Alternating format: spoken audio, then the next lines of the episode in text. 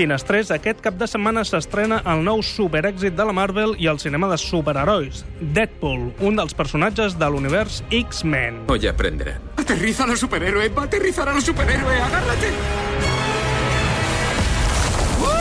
¡Uh! ¡Superhéroe aterrizaje! Eso castiga los meniscos. Es poco práctico y lo hacen todos. Com podeu veure, un film que dona una nova volta al concepte de superheroi. Aquest cop tenim sexe, violència i sentit de l'humor tan negre que s'endinsa en la metarealitat. Ryan Reynolds, el seu protagonista, parla literalment del seu fracàs a l'Interna Verde i les conyes amb Hugh Jackman, Lobezno i altres mutants són abundants.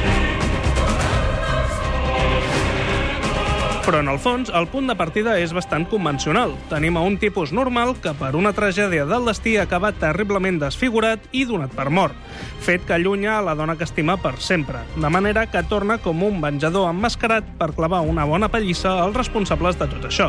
Vaja, l'antiheroi de tota la vida. Per exemple, si poséssim aquest tall, de qui podríem estar parlant? Destruyeron todo lo que él tenía. Todo lo que amaba. Todo aquello que él era. Ahora.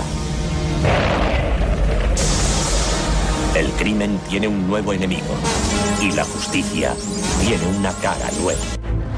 Doncs podria ser V de Vendetta, Spawn, La Sombra, el Dos Cares de Batman, El Hombre sin Sombra, o fins i tot, si anéssim als orígens, podríem trobar El Fantasma de l'Òpera. Però no, avui per... La dada de la finestra. Hem triat a un dels més carismàtics antiherois. Hay una luz que brilla en todos los seres humanos. Excepto en uno. Del director Sam Raimi. Darkman.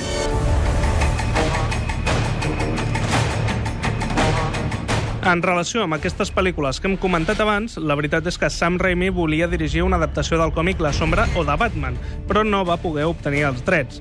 De manera que va crear el seu propi personatge. Així va néixer Darkman, que segons ell era una barreja del fantasma de l'òpera, l'home elefant i el japerut de Notre Dame.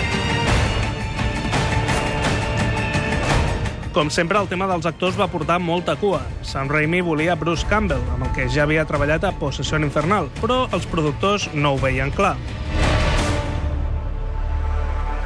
Bill Paxton era una altra de les opcions, però va cometre l'error de comentar-li sobre el càsting al seu amic Liam Neeson. Liam Neeson s'hi va presentar i es va quedar al paper. Això va fer que Paxton li retirés la paraula durant mesos. Julia Roberts ja havia estat escollida per fer el paper que interpretaria Frances McDormand, però simultàniament també li van donar el paper de Pretty Woman i va haver de triar entre els dos. Bé, ja coneixeu la resta de la història. Demi Moore o Bridget Fonda també van estar molt a prop del paper. Els germans Cohen van col·laborar en el guió, tot i que no estan reconeguts en els crèdits. Liam Neeson dedicava fins a 18 hores al dia en temes de maquillatge i vestuari. Diu que el que més li molestava era parlar amb les dents falses, ja que no volia que es moguessin i que es notés que eren artificials. Per crear el personatge, Neeson es va posar en contacte amb la Phoenix Society, una organització que ajuda a gent greument desfigurada a reincorporar-se a la societat. El film va estar plegat de problemes. El director de muntatge va deixar la feina a mitges per l'estrès que li provocaven les presses que tenia la Universal. Sam Raimi va tenir moltes discussions amb l'estudi, però després va reconèixer que la gran campanya de màrqueting que van fer va ajudar molt a l'èxit de la pel·lícula. També es va barallar molt amb Frances McDormand, a la que va qualificar d'actriu impossible de dirigir. De fet, ella i Liam Neeson van reescriure pel seu compte les escenes en què apareixien junts. Sam Raimi va aprofitar per donar cameos a alguns dels seus col·legues, el ja mencionat Bruce Campbell, el seu germà Ivan Raimi i el director John Landis. En el moment de l'estrena, la Universal va donar 5.000 dòlars a l'escola Strack Middle a Klein, Texas. El motiu? Que el cognom Strack era el del malvat de la pel·lícula. Una manera diferent i original de fer promoció. Es va parlar de fer una sèrie de televisió després del film que no va arribar a fer-se. Al contrari, van acabar fent dues seqüeles televisives a cada qual pitjor que l'anterior.